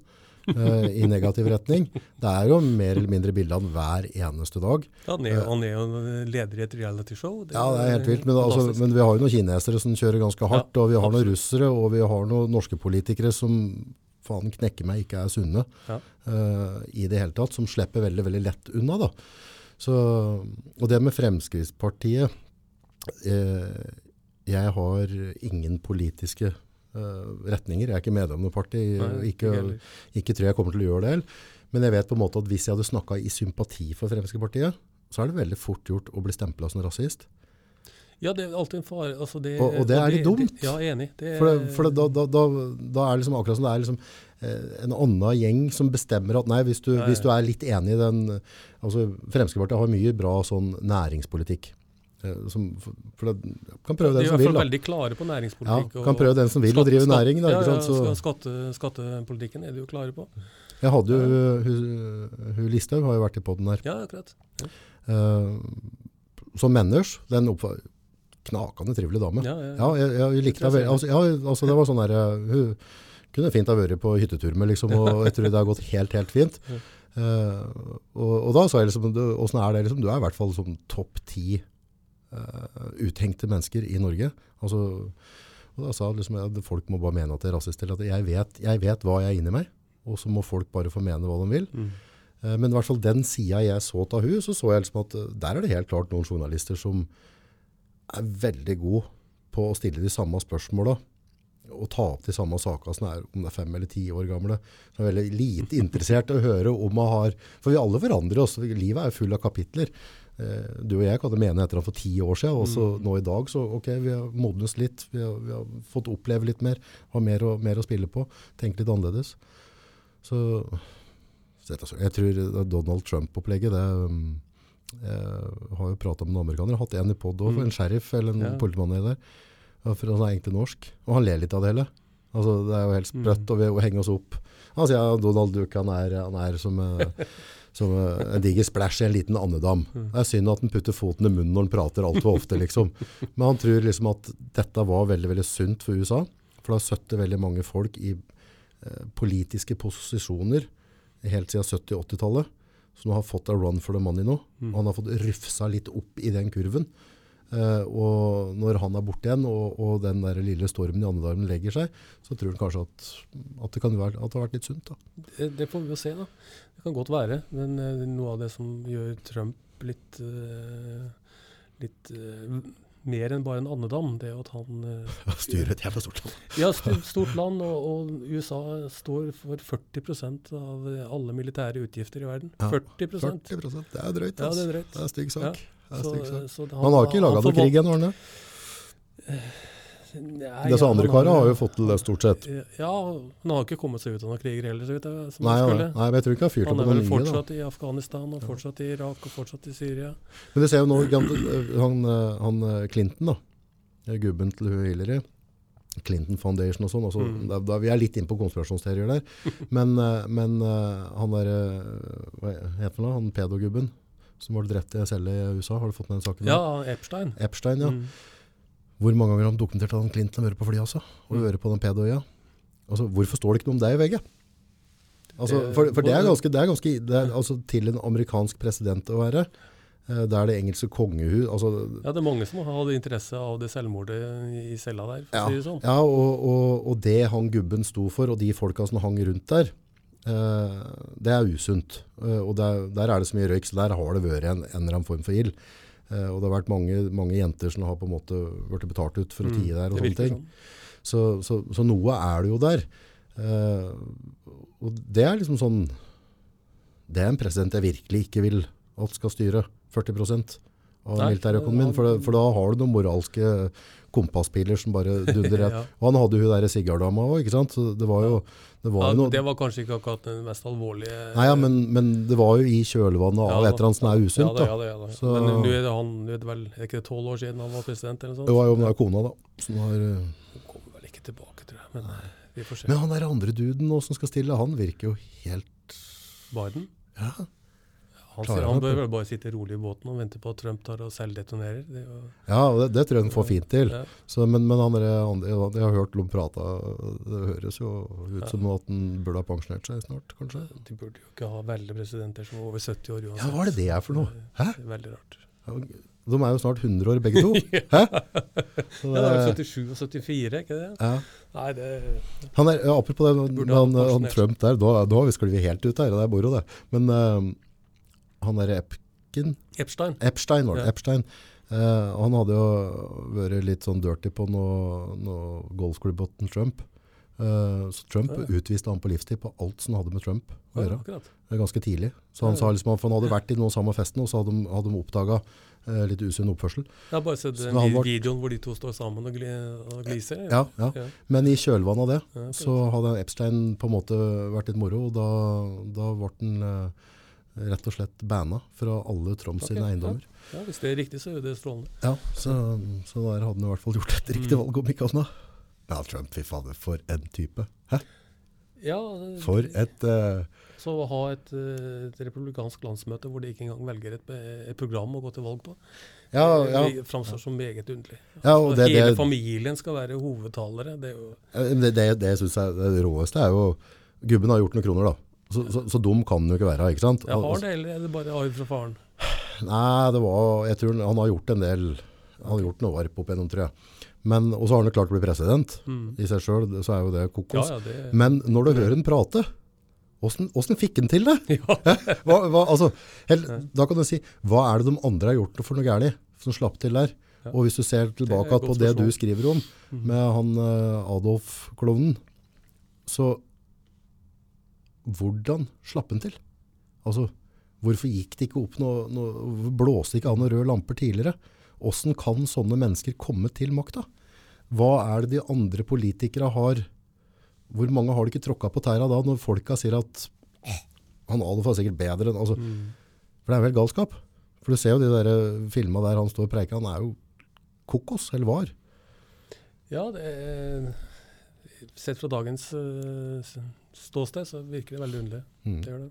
Men det var jo ikke helt rene valg da som gjorde at uh, Hitler fikk makta. Han, han klarte jo å forby eh, et relativt stort parti å overta alle plassene i, i parlamentet, så vidt jeg husker. jo, men samtidig så har han jo fått med seg en gjeng med folk. For Ja altså, alt, det, alt det som skjedde av forbrytelser, Man trodde at man kunne ta og styre Hitler. Det klarte man jo ikke. det jo Ja. skikkelig. Nei, for det, det, er jo liksom sånn der, Du kan jo se på en måte alt det som skjedde av stygt i kjølvannet av han.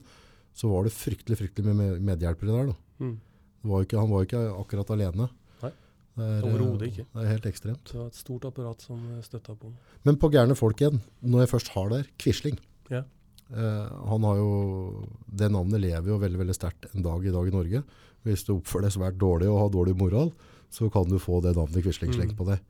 Åssen type var dette der, og hva er det som fikk klokka hast til å gå?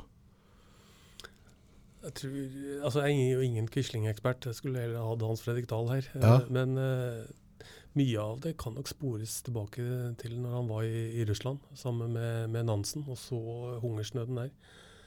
Uh, og kom tilbake igjen og hadde vel uh, ja, sterkt antikommunistisk verdensbilde. og mente at jeg tror mye, mye kan spores der. Og, og troen på den sterke mannen, eh, som var kanskje Men Var han nazist ut til fingerspissa? Ja, han, han ble det i hvert fall. Han ble det i hvert fall. Han, han kjøpte jo den, eh, den tyske nazismen med, med hud og hår, og var villig til å ofre eh, Altså, han var jo tidligere forsvarsminister. Og- I Norge? I Norge. Å, det har jeg ikke fått med meg. Jo, Fram til 31. Og han satt for Bondepartiet i Bondepartiet. Ja vel. Og, eh, og, og klarte Og var offiser, høytstående offiser. Og klarte likevel å overlevere militære hemmeligheter fra oktober mener jeg, i 1939 til eh, april 1940 til de den tyske militære staben. Og hva var en av drivkraftene for okkupasjonen av Norge. Altså, da, da har du gått over ganske mye Helt uavhengig av hvilket politisk syn du Ja, har, så har du brutt en del Da blir du en quisling, da. Da er det et av de norske ordene som går internasjonalt å være quisling. Ja. Skjønte han ved et eller annet tidspunkt at han hadde tråkka over? Eller sto han Altså det, det, Han må jo ha gjort det. eh, men han, eh, han Nå tenker jeg ikke sånn i anger på at han skjønner at han skal dø, men at, han altså, at ideologien hans Nei, Han trodde jo helt fram til slutten at, eh, at historien ville dømme han annerledes. Eh, at, at, han hadde jo en illusjon om at han skulle klare å trekke seg tilbake som prest i Fyresdal. Hvor, eh, hvor, hvor hans forfedre, jeg tror det var i elleve generasjoner, hadde vært prester tidligere. Oi. Så han hadde en, en kristen forståelse av verden samtidig, som han eh, klarte å forvekt, eh, forveksle Eller forfa- for, eh, hva heter det? Eh, forfekte eh, nazistiske synspunkter. Så han, han var en komple kompleks figur. Tror du de, eller hadde de klart å bevise det at han var klar over det som skjedde mot menneskene i Europa og alle de menneskelighetsforbrytelsene tyskere sto for? Var han klar over det, eller har han prøvd å benekte det, liksom? Så vidt jeg husker fra rettssaken, så, så forsøker han vel å si at han ikke var klar over, omfanget. Eh, og at eh, deportasjonen av jødene skulle være at de skulle Var det at de skulle få en egen At Madagaskar skulle bli et eh, tilfluktssted for, okay. For jødene. Jeg mener å huske at det var et eller annet sånt. Så han har, han klarte å bygge seg opp en del illu- illusjoner som, eh, som eh, i hvert fall som han mente etter krigen at han sto for. Ja. Uh, at han som eh, ministerpresident i Norge ikke var klar over eh, konsentrasjonsleirene, det mener jeg er lite sannsynlig. Altså, Jeg har ikke trua på det. Nei. De kara der, 211, var de klar over hva nazismen egentlig sto for? Og hvor mye død og fordervelse? De burde i hvert fall være klar over det. Et, eh, det er mulig at eh, i 1940 at de kanskje var naive, men eh, etter hvert som krigen skrider fram og de får beretninger om hva som skjer på østfronten av, av, av folk som de selv er med på å betale for å dra dit, så, så må de være klar over det. De betalte for å sende folk ut? Ja, altså frontkjemperne, Det ble samla inn penger til frontkjemperne. og eh, blant annet han Frontkjemperne, det er altså nordmenn som ville ut? Nordmennene som kjempa på østfronten. Var det mye av dem? Det var vel en 3000-4000, som Oi. eh, mener jeg husker. Altså Tallet får du ta med en klype salt, men det, vi, vi snakker firesifra tall. Så er det mye. Det var mange unge gutter som, som dro eh, og kjempa mot, mot Sovjetunionen for, for Hitler, og, og gikk da egentlig i, i tysk tjeneste. Eh, og de, de ble det da samla inn penger for. Bl.a. blant annet han, eh, han grunnleggeren av eh, Normanna-klubben, Alf Larsen Witz, han klarte også å manøvrere seg inn som formann i Vinmonopolet. Styreleder i Vinmonopolet. Og han eh, bevilga da bl.a. kvartflasker med sprit til eh, norske frontkjempere som skulle sendes over til dem. Var det propaganda i Norge på den tida for å få folk til å melde seg til frontkjemp? Ja, absolutt. Altså det, også innad i, i NS så var det jo sånn at du ble innkalt til store møter på kinoen i Oslo. Så ble alle dører stengt, og alle måtte undertegne papirer for å slippe ut om at de, de ønska fronttjeneste. Og så et- Tvunget? tvunget. Og så etterpå så var det partitoppene. De eh, kunne da komme seg unna enten med en legeerklæring, eller at eh, man fikk en erklæring fra partiledelsen om at de var så viktige i Norge at de ikke kunne sendes ut. Mens da de unge guttene som var til stede, de hadde da undertegna det og måtte inn eh, og, og få våpenopplæring. Og, og mange av dem døde jo da også på østfronten. Ja, Åssen gikk det med dem som overlevde? Nei, det, det, mange av de kom jo tilbake igjen, og noen av dem øh, slapp jo straff etter krigen også. Slapp, eller så fikk de? De slapp, noen av dem slapp jo straff etter krigen også. For der kan Da snakker vi ganske unge, naive gutter som, som eh, Altså, det vil Krig og soldat, altså være ute i strid, det vil alltid trekke til seg en del yngre eventyrlystne Ja gutter eh, som egentlig ikke skjønner helt hva de, hva de er med å støtte, kanskje? Ja, Noen vil jo si det, eh, helt klart. Og i noen tilfeller så er det sikkert riktig også. Men eh, jeg tror det var såpass eh, klart hva det, hva det gikk til, at de aller fleste nok visste at de faktisk måtte avlede, avlegge ed til Hitler. Ikke til Quisling, til Hitler. Ja. Og bli en del av den tyske vernemakten. Husker jeg rett da, hvis jeg har hørt eller sett et eller annet rundt det, at, eh, at mange av dem trodde liksom at de skulle få en slags type helsestatus ned der, og så, så ble de bare dytta ut i alle mulige eh, holdt jeg på å si, i striden, og, og brukt som kanonføde, og, Ja, og, og de fikk ikke den eh, æren på en måte som de trodde de skulle få da.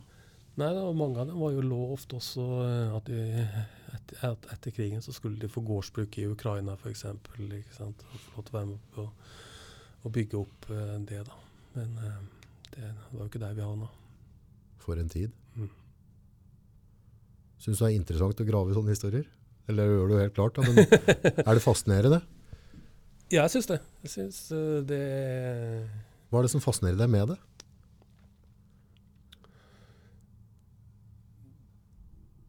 Altså, jeg, jeg er jo vok som mange andre så er jeg vokst opp egentlig eh, med å høre om krigen. Ja. Så det er en arva lidelse. Ja, Eh, min far han var en av, eh, et av de barna som eh, måtte overvintre i hule i Finnmark Oi. fra 19, høsten 1944 til februar 1945. Når befolkningen i Finnmark og Nord-Troms ble tvangsevakuert. Tente på alt. de, og tyskerne tente på alt, og all infrastruktur ble ødelagt, så var det jo en, det var en 20 000-30 000 som ble igjen. Eh, både på Finnmarksvidda og, og i ulike huler etter hvert som Uten tyskerne tak, trakk seg ordentlig tak over? Altså- Uten, uten tak over hodet. Uh, far min han, uh, og familien de, må, de bodde jo i en hule på, uh, på nord for Havøysund. På samme øy som Nordkapp ligger, så det er ganske værhardt. Jøss, sånn Eh. type nesten som samiske gammer nesten. Liksom, ja, det hadde ikke gamme, det var, det var en hule. Det En hule? Ja, rett og slett en hule. Som, eh, som er da fra oktober 1944 til februar 1945. Altså den mest værhardt på Finnmarkskysten. Frakte bare klarer å overleve. Ja, som da, da bodde også da, Og i vente på Den røde armé som skulle komme og befri dem. ikke sant? Ja. Men Den røde armé stoppa jo alle ved, ved, ved hva er det for noe, Varangerfjorden allerede. Ja, Det gikk, kom ikke, gikk, ikke så, gikk ikke så langt, så det her var jo et ødeland. ja. Helt fram til eh, norske myndigheter eh, klarte å få stabla på bena et noenlunde eh, politivesen osv. Så, videre. så, så, så han var jo veldig opptatt av krigen, naturlig nok. Og, eh, Har du vært oppe i hula der og sett? Nei, jeg har ikke vært i, i hula har jeg ikke vært. Er det på sjekklista? Det har vært et ønske, ja. Mens hans, øh, søstera hans, øh, min tante, øh, hun skrev dagbok. Hun var tolv år.